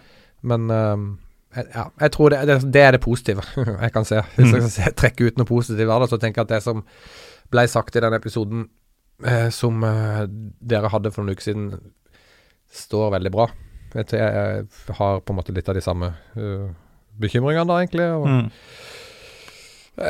jeg, det er litt det samme du kan ta med, med Leipzig, som er En av mine bekymringer med Leipzig er jo hva skjer den dagen Red Bull ikke vil mer? Det er en bekymring? Nei, det er ikke bekymring, men du skjønner hva jeg mener. Altså, ja. Hva skjer der da? Uh, mm. For da vil alt forvitre, og jeg er redd for det på en måte den dagen Start eventyret eller noen at, hva, hva, skjer da? Ja, det, det kan du si. Um, det, det, som skjer, er jo at de sitter igjen med enorme lønninger, og plutselig ingen måte å uh, de, de, har ikke noen inntekter utenom disse pengene som kommer inn, i og med at de gir bort alle billettene og ja, Alt mm. dette er egentlig behørig omtalt i en annen episode, mm. men um, når vi først er inne på det, Eivind, dette har jeg faktisk aldri spurt ham før, men nå har norsk seriefotball rulla i um, noen uker. Mm. Um, hvordan er ditt forhold til, eh, til Eliteserien? Følger du noe med, og har du i så fall gjort deg noen tanker om det som har eh, skjedd så langt? Jeg har sett null minutt. Null minutt? Ja. Er det, er helt umulig å kombinere med det jeg driver på med til vanlig. Ja. ja, det er det, for jeg jobber jo så å si alltid når det er Eliteserien. Ja, det er sant. Du har helgene fulle. Men nå er jo snart eh, alle halbsitene ferdig. Ja. Eh, blir det mer da, eller er det sommer, eh, fotballpause? Nei, jeg har planen om å gå på Jeg bor jo i, i Lier, så jeg liker jo Drammen. Mm. Så planen min er å få gått litt på godsekamper, da. Og kikke. Du og jeg har faktisk vært på Marienlyst sammen uten at verken Lillestrøm eller Mandal eller Godset spilte. Ja, U21. Ja. Norge banka Tyskland. Ja. Nei, men, jeg, men jeg, altså, Marienlyst er jo en fin stadion, syns jeg. Ja, det, hadde de bare hatt gress, så hadde det vært helt ypperlig, faktisk. Er det ikke gress? Gamle gress, hva er det du sier? Nei, det er nye teppe. Ja, ja. Så den eh, sangen bør omskrives uh, sporenstreks. Ja, for det har jo funka veldig bra med gress på Lillestrøm. Det, det har Det har det. det, jeg, det, jeg følger ikke så mye med, men det, det har jeg fått med meg. Det som er litt synd, er at eh, Lillestrøm ikke har Arne Erlandsen som trener og spiller den gode gamle Gampe-fotballen. For den hadde det hadde blitt massivt med poeng på hjemmebane Mm. med den eh, åkeren eh, vi har for tida. Listrøm, som jeg liker å kalle det laget.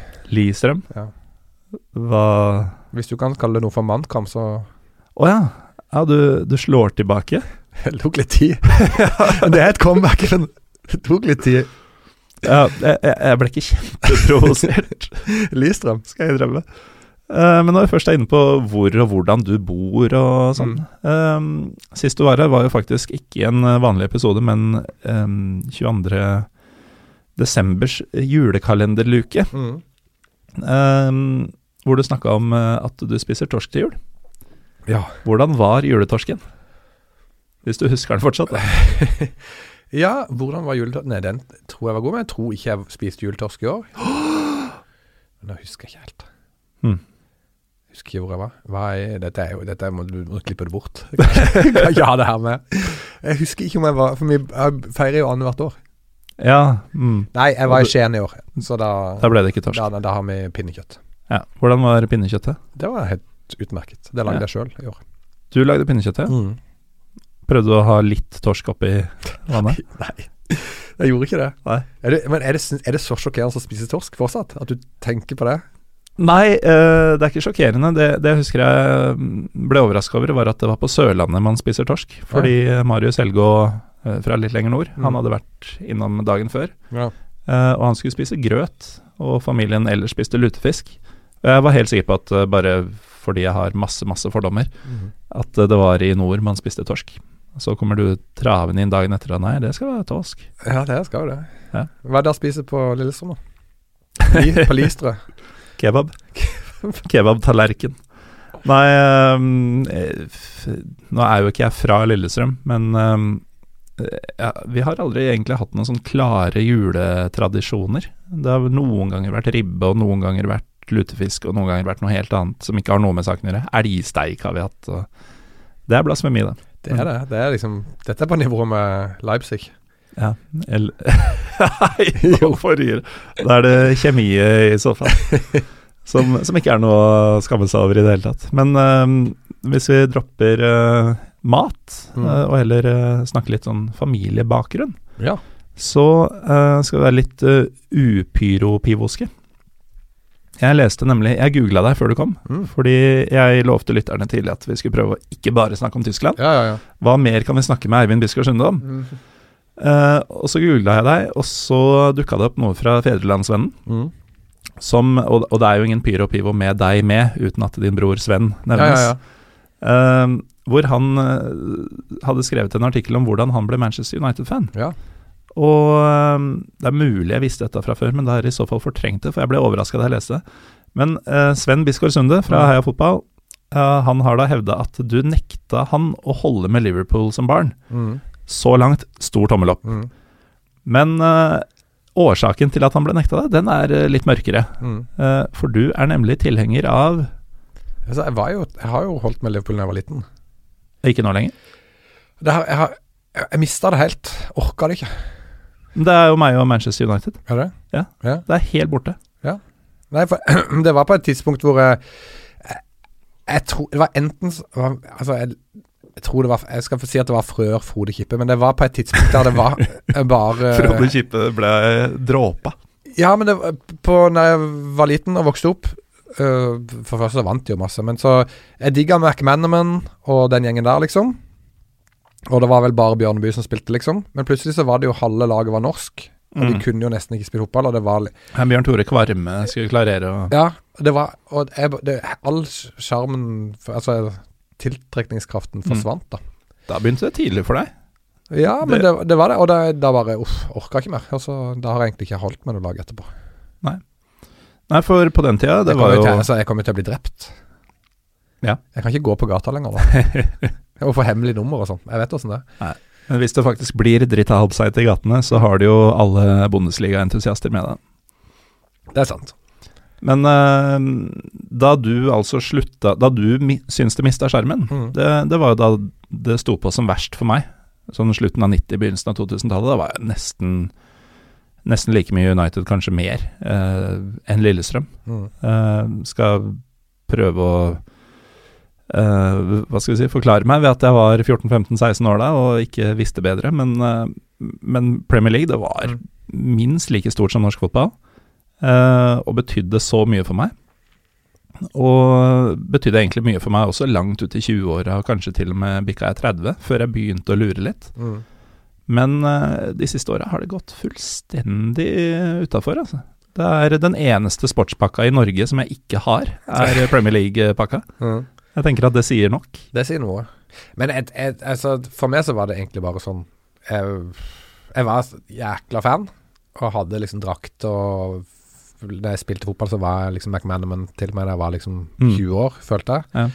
Uh, men så, så gikk det bort. Men så Jeg har, jeg har ikke noe sånn der uh, hat mot uh, liksom Altså det at jeg liksom At det er Premier League eller engelsk, eller at eh, det har mista Altså sånn Hvis du begynner å tenke sånn, så har jo all fotball mista sjarmen, da. Ja, og, og det er det jeg sliter med litt iblant òg. Ja. Hvis noen spør meg hvorfor eh, har det blitt sånn, og hvorfor følger du ikke Premier League tett Mm. lenger, hvorfor liksom vil du heller vri det om til eh, siste Erzgebirge Aue eller, eh, eller Empoli-kamp når, Mm. når vi skal snakke om Manchester City Mm. og, og Everton, så er det litt sånn jeg, jeg begynner på argumentasjonen om at eh, jo, fordi i England så har de prisa seg ut, det er utenlandske Mm. eiere, det er turister som kommer på kamp. Og så begynner jeg altså bare Ok, dette er jo tilfellet absolutt overalt. Ja, ja. Eh, bortsett fra delvis Tyskland, eh, hvor prisnivået fortsatt er ok, og hvor det ikke er noe særlig utenlandske eiere. eh, enn så lenge. Mm. Ja, men, men, på den andre sida så har du jo utenlandske spillere, du har høye lønninger. Ja. Du har eh, store, store sponsere. Du har, altså du har alt det samme du har alle andre steder. Jeg vet det. Og, og jeg elsker jo å være fotballturist. Og i denne podkasten oppfordrer jeg folk hele tiden til å bare komme seg ut av landet, vend ryggen til din lokale klubb, og bare kom deg ut og se en tredjeligakamp. Ja, ja. Uh, eller en uh, serbisk uh, fjerdedivisjonsmatch eller noe sånt. Så jeg er jo all over the place. Mm. Jeg, jeg, vet ikke hva vi skal koke ned dette til. Men jeg kan koke det ned. Ja. Det. Det er jo det samme som uh, musikk. At uh, du uh, Du har kanskje funnet ditt lille ene lille indieband som du digger ganske heftig. Og så er det jævlig tungt når de blir Modest Mouse til slutt. Og bare spille Altså det topper Billboard-lista, som, som ikke sant, Modest Mouse på et tidspunkt gjorde. Eh, og det, det er jo litt det der at du vil gjerne ha liksom ditt lille Eller Ja, det tenker jeg, for det er mange som er sånn, og de vil ha det, det lille som er deres, da mm, og ha det litt i fred. Og, men så har du, er du litt stolt av det òg, for at det er jo ganske bra. jeg vil jo åpenbart ikke ha det i fred. Jeg driver og maser om sånn der Ja. Dere må komme dere på Football in Heaven og se noe fjerdedivisjon i Bulgaria Nei, i Romania. Mm. Eh, ja. Så bra forsøk, men ikke Det, det traff ikke helt. Men apropos eh, ja, Om ikke indieband, så i hvert fall band som ikke er på kontrakt i noe særlig grad, da. Så er det mulig at jeg husker detaljene feil nå, men sånn jeg kommer til å bestemme meg for at det var Mm. Første gang vi traff hverandre, så hadde vi eh, T-skjorte på oss av samme band. Mm. Det stemmer. Det var sånn det skjedde. Ja, vi hadde iallfall samme altså, Jeg husker ikke hva vi men Jeg tror vi møttes opp i det gamle studioet til, Ja. Til Moderne Media. Hvor begge hadde Death is not glamorous. Ja. Det er jo et stort, stort Men de gjør jo aldri comeback, da. Men det, det var ganske fett. Ja. Jeg, I min trone så husker jeg jo det fra jeg har vært på konsert med deg. For du er jo lett gjenkjennelig. Men da hadde du Mm. langt hår òg. Åh, da er det lenge siden. Ja, men du har vært på konsert med Death Is Not Glamorous med langt hår, du? Ja ja, det, det skal ikke stikkes under en stol. Men eh, da ante ingen av oss hvem den andre var. Det gjorde vi ikke. Det gjorde du ikke. Men det var hyggelig. Ja, det, det, det var det sikkert. Uh, men i og med at du har slutta i praksis å holde med Liverpool, så trenger jeg egentlig ikke å spørre om du er spesielt gira for Champions League-finalen, men du skal sikkert se den. Ja, ja, jeg skal se den. Og jeg syns jo Jørgen Klopp er en ekte type, da. Mm. Ja, det Jo, men han eh, Jeg tror jo altså Vannet er vått. Ja, jeg liker han jo. Og, og på en måte Og det er jo det som er greia, at du, du kan ta penger inn der, eh, rike eiere ditt og datt, men til Fortsatt ha klopper og sarrier og til syvende og sist så koker du ned til de menneskene som er der, da. mm. Ikke sant? Og han er jo en jævla type, da. Og sånn Og det kan du jo se andre steder, ikke sant. At de typene kan du jo bli glad i, og Mm. han har jo på en måte følelsene investert i de greiene. Og det er liksom Mm. Det er ikke en vanlig jobb. Han går ikke på jobb klokka Klokka sju og hjem klokka fire og tenk Nei. ikke noe mer på det.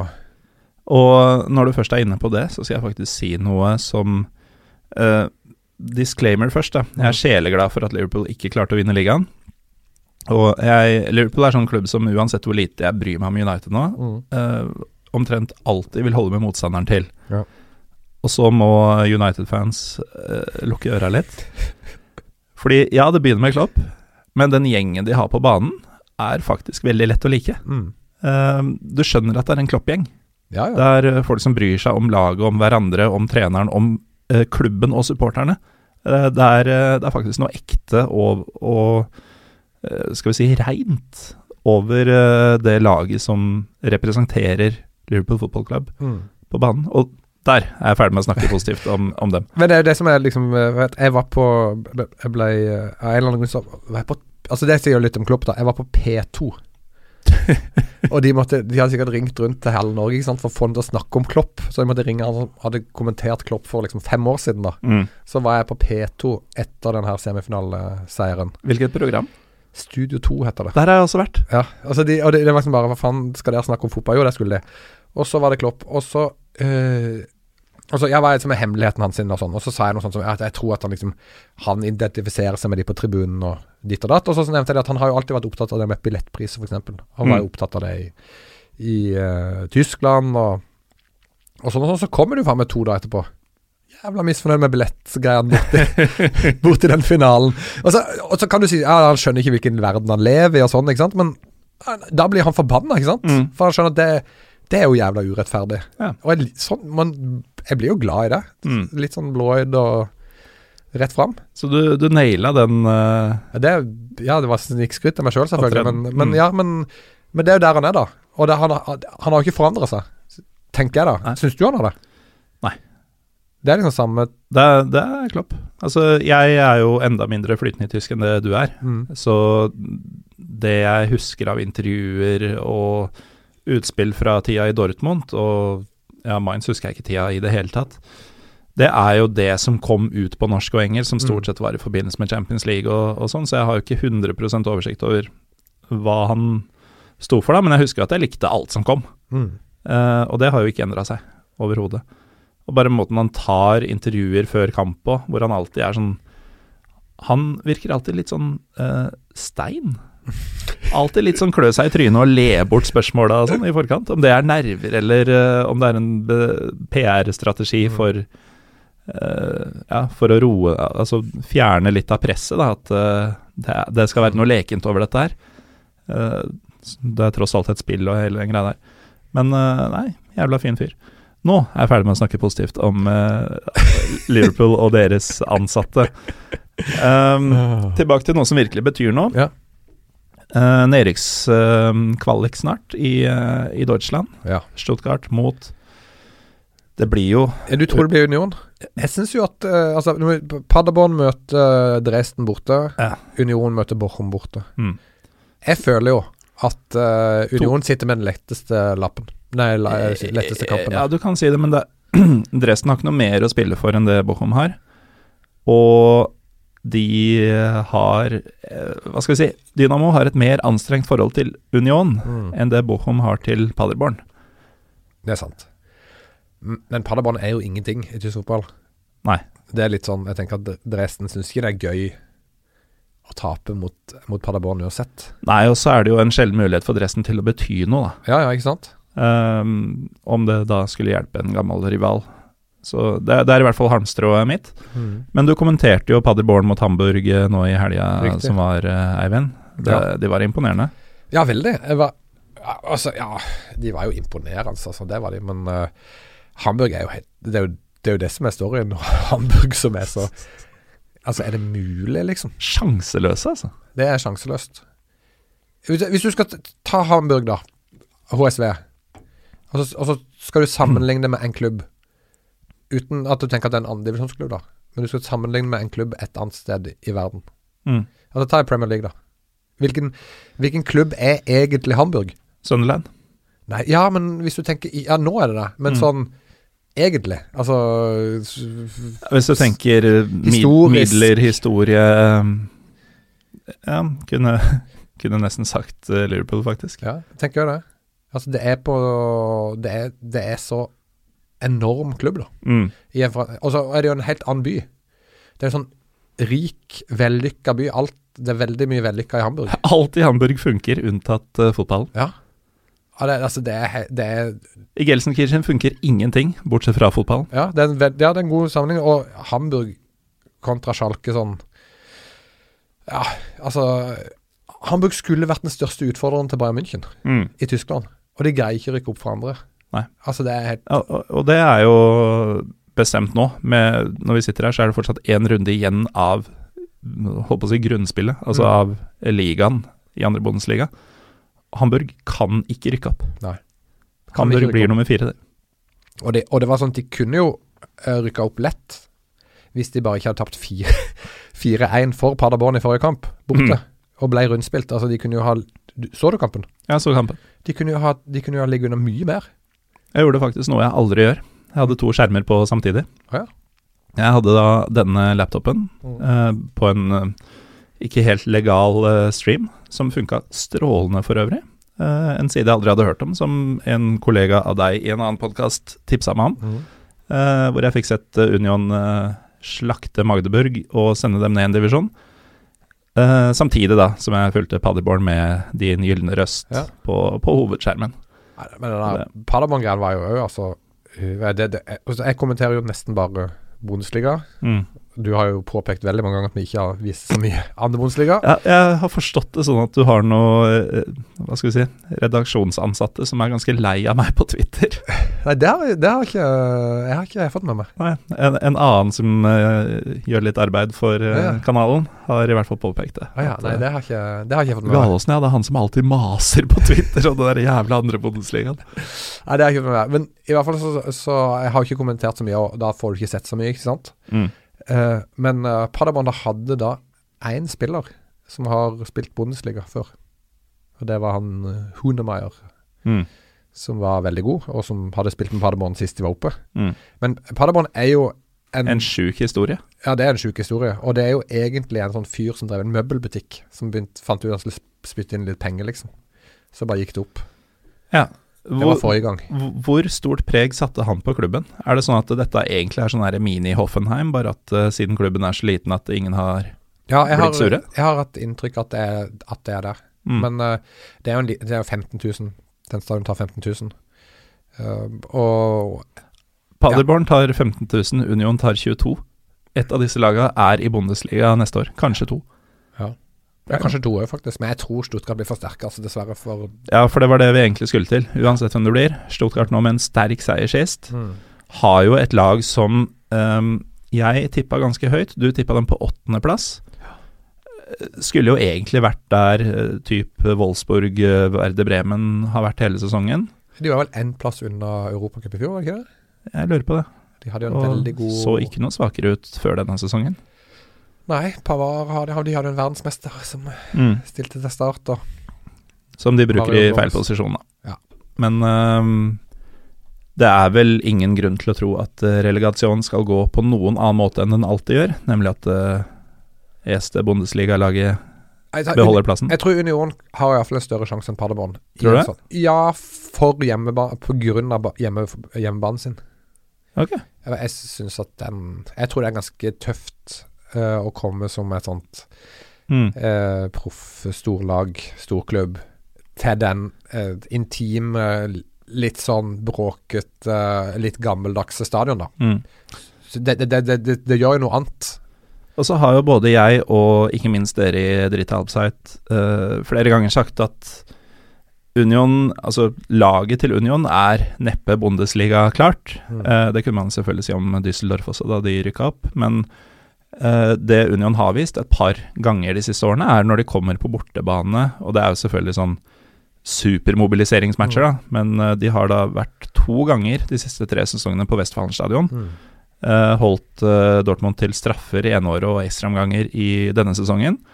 Um, de vil jo ikke mobilisere noe mindre til bortekampen mot eh, Stuttgart. Nei. Og Stuttgart har jo alt presset på sine skuldre. Nettopp. Og det er jo ikke, de er ikke så gode. Og så skal det hjemme på Nei, så det, det, er- det jo en, en, et, Men jeg tror ikke Jeg har ikke troa på Paderborn i en sånn situasjon. De har jo Mm. altså Nå har de slått Hamburg, og så på et eller annet tidspunkt så stopper jo det der greiene der. Ja, det kan du si, men det er jo eh, Er det hinrunde det heter på våren? Ruk Ruk, Jeg klarer faen aldri Jeg, lær, jeg lærte det i går. Ja, jeg har lært det så mange ganger, men det glipper hver gang jeg skal bruke det. Eh, De er jo Rukkrundes eh, beste lag. Ja. Ganske soleklart også, hvis jeg ikke tar det er jo, det er jo på at hele historien handler om at ingen lag har vunnet nå. Ja, det, det kan du si, men de har jo vunnet lenge nå. Ja. Så man har jo tenkt lenge at eh, denne form, form dette formlaget eh, kommer til å stoppe etter fire kamper, etter fem kamper, etter Mm. seks kamper, og så har det blitt et halvt år nå. Så, um, men de har jo selvfølgelig ikke møtt verdensmestere. Nei. Men han, Eh, der, som- han spissen de hadde nå, i kampen mot um, Han Diamantidis? Nei, Sven, uh, Sven Michel, eller Michel. Ja, Sven Michel. Han uh, rykka jo ned til fjerdedivisjon for to år siden. altså, han var Han spilte da, og nå er han uh, For de rykka jo egentlig ned. ja, for de var i Bundesliga for noen år tilbake. 14-15. Par uh, nedrykk på rad, vel? I hvert Ja. fall veldig mange på kort tid.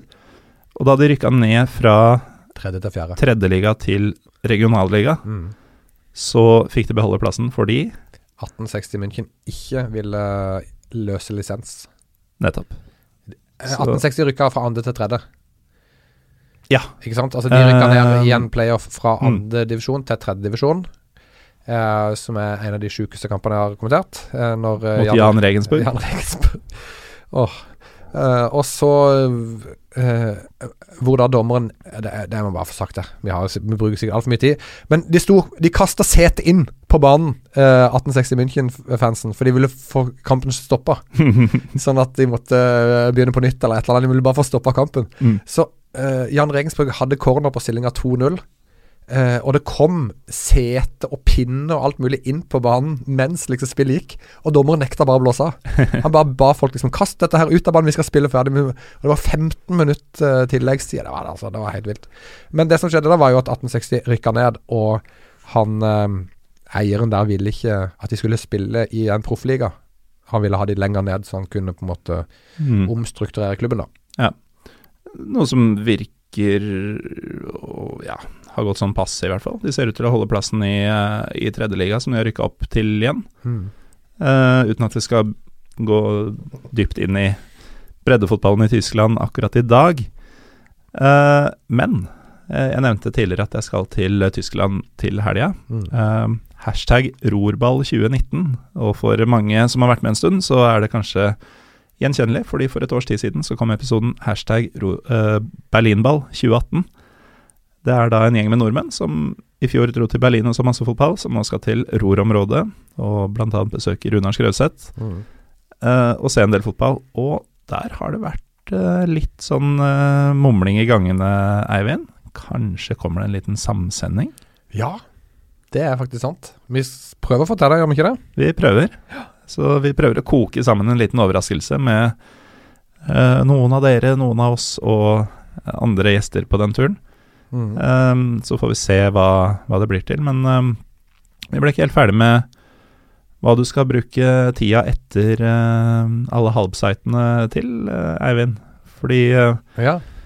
det er jo en hel sommer som står foran oss. Um, tysk fotball er snart ferdig. Det er ikke, jeg holdt på å si det er ikke noe mesterskap, det er i hvert fall ikke noe EM og VM. Um, hva er sommerplanen?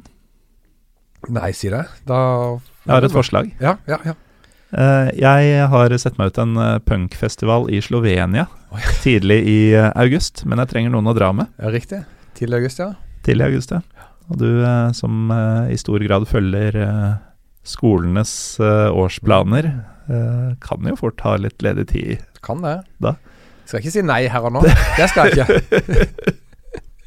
Ja, dessverre så bestemmer jeg ikke om mitt eget liv. Nei, det er sant. Men eh, nå fikk jo jeg faktisk, eh, før du gikk i harnisk i pausen på Mm. pokalen, så fikk jeg jo møtt din, eh, hva skal vi si, manager. Ja, Eh, Det stemmer det. din kvinnelige motpart, Ja. som jeg tror er den du sikter til. det er riktig. Jo, men Hun hadde sikkert blitt med på punkfestivalen, hun òg. Ja, men da eh, må vi bare dumpe barna på noen, da. Så, Slovenia. Slovenia. Der har du ikke vært før.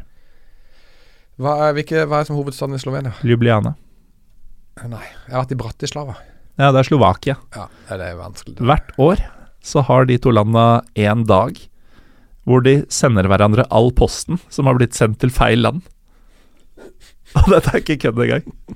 Det er Jeg husker ikke datoen, men eh, en gang i året så kommer det et busslast med brev fra Slovenia til Slovakia, og andre veien også. De bare samler opp alt sammen, og så tar de et jafs. Hva skal du gjøre i sommer, da? Jeg skal på punkfestival i Slovenia med deg. Og så skal jeg som alltid eh, jobbe litt på språkreise.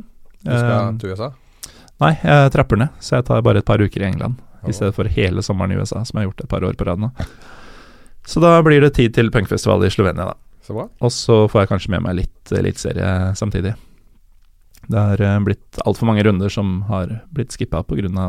Amerika og rosa poloskjorte. Mm. Eh, men eh, når vi er inne på lovnader, da. Nå har vi nesten lovt en eh, overraskelse fra Rorbal. Du har nesten lovt meg å ta med dama og bli med meg på punkfestival i Slovenia. Ja.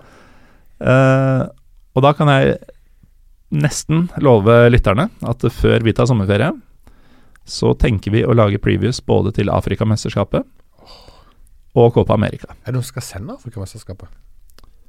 Det ser faktisk dårlig ut, sist jeg sjekka. Ja.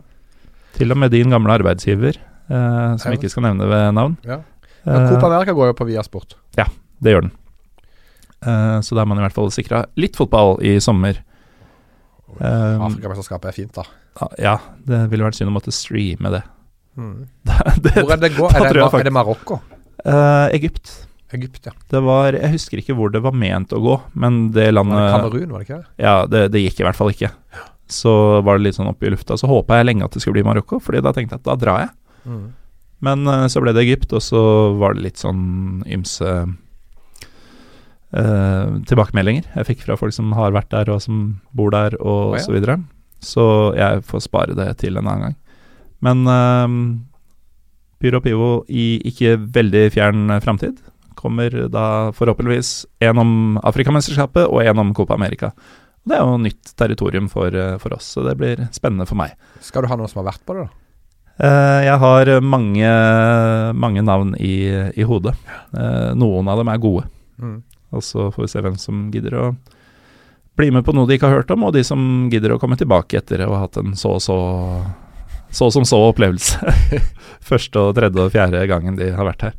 Riktig. Men dersom dere som hører på vil få med seg dette, så anbefaler jeg å følge med oss på Twitter og Instagram, der brukeren er PyroPivopod, og på Facebook-siden vår PyroPivo, eh, samt at det er lurt å mose inn et abonnement på iTunes eller Spotify eller hvor du nå hører på podkaster, for da får du med deg alt, og gjør gjerne det samme med Drita Halbsite i samme slengen, eh, som da er DHZpod på Twitter, Mm. og Dritte Halbside understrek podkast, er det det på Instagram? Det er litt sånn klønete Instagram, dere. Søk på Google, altså. Søk, ja. Det kan ikke være så Skriv vanskelig. Dritte Halbside, så kommer det vel opp noe. Og dere har også en Facebook-side som, eh, Facebook-sida funker veldig som jeg har skjønt at Asbjørn Slettemark administrerer, Der- for den er aktiv. Den, der skjer det ting. Den er veldig bra. Mm. Ritter Halbside, bare ikke gå på YouTube, tenker jeg. Ja. For det, det blir bare tull. ja, da blir det kravall, Da blir det, da blir det slåssing. For det jeg ble litt irritert når det etter hvert der. da du skjønte hva Ja, jeg følte meg litt lurt, rett og slett. Det var jo Runar som sa at det var et godt navn. Det er et godt navn, Ja, men, uh, men uh, verken du eller Rune Altså, med Asbjørn kan jeg litt skjønne det, for han er jo tatovert og ser litt, kan se litt morsk og barsk ut og, og sånn. Uh, no offense til dere to, men uh, verken du eller Runar er er, er de som jeg ser for meg liksom by på dans i gatene, da, i forbindelse sant? med fotball. Nei. Og det er jo det som er greia, at Runar påstår jo fortsatt at eh, det òg betyr Altså dritte halvfart òg betyr eh, det koselige du gjør etter kamp. Mm. eh, som å Ta ta en tur på kneipe og prate om fotball. prate om fotball. Mm. Mens for eh, For den gjengse YouTuber så er det slåssing i skogen. I uh, bombejakke og Ja. Ja. Ja, vi får se om det blir eh, dritt av halvsite eh, på meg i helga. Vi skal jo da, som nevnt, se Schalke Stuttgart, Mm. men vi skal også se Bochum mot Union. ja søndagen. Og dersom, eh, dersom, dersom, dersom, dersom Du kan kan få et skulle, direkte opprykk det nå. dersom det skulle bli det, Mm. så kan det fort hende at jeg blir arrestert i Tyskland, faktisk. For da skal jeg inn på den banen. Ja. Um, så i beste fall stadionferbåt. I verste fall så må jeg finne ny flyvning hjem. Den tid, den sorg. Takk for at du kunne stille på så kort varsel, Eivind. Det var hyggelig. Jeg har kost meg. Jeg tror vi har klart oss bra. For Ja, folk som hører mye Pyr og Pivo, så tror jeg dette har vært en fin uh, opplevelse. Ja. Syns, uh, syns du er god til å svare på spørsmål og til å um, Ja, når du ikke veit, så klarer du å fleipe det bort. Og Ja, ja, nå skal vi ha en liten evaluering av deg. Altså Jeg har jo en del spørsmål her som jeg har tenkt å stille det, sånn hvis det skulle gå helt feil her. Men vi har jo sluppet noen av de, så det går greit. Ja, men du kan godt ta en eller to. Skal, skal jeg ta et, et av de? Ja, du kan jo for så vidt prøve. Union opp eller Lillestrøm ned? Hvis du må velge en av de. Nei, omvendt. Uni nei, eh, blir det? Hvis uh, Union rykker opp? Om det da er greit at Lillestrøm går ned? Ja. Nei. Eller vil du heller at Lillestrøm skal holde seg, og Union ikke rykke opp? Eh, Ti av ti ganger at eh, Lillestrøm holder seg. Det var egentlig lett å svare på. Det var, det var for lett. Har du, har du flere? Har har du noe tyngre skyts, eh, Eivind? Uh, nei, har, det er litt lite med tyngre skyts, altså. Vi, vi, vi har halvannen times materiale her nå, altså, så du må ikke føle noe press til å Jeg føler jo litt press, men uh, jeg tenker at det, det får egentlig gå, altså. Ja. Det får gå. Du har sikkert ikke vært her for siste gang heller, så du får uh... Nei, Nå skal jeg gå hjem og skrive ned alle spørsmålene jeg kommer på. Tenke på Galaasen så bare Å, det må jeg huske å spørre om neste gang. ja, Ikke sant. Så jeg, kan, Um, jeg skal lage et dokument der. Uansett, Eivind, takk for strålende innsats på ekstremt kort varsel. Bare hyggelig. Um, dette er da Eivind Bisgaard Sunde, uh, Bundesliga-kommentator og iblant kommentator av andre ting hos Viasport, og eminent programleder i den eminente podkasten Dritte Halbseit, en podkast om tysk fotball. Jeg heter Morten Gallosen. Vi er Pyro Pivopod på Twitter og Instagram. Vi har en Facebook-side som heter Pyro og Pivo, og vi blir veldig glad for ratings så lenge de er positive i iTunes, hvis dere bruker det. Neste uke er vi tilbake med noe helt annet, med mindre jeg har blitt arrestert i Bochum. Ha det!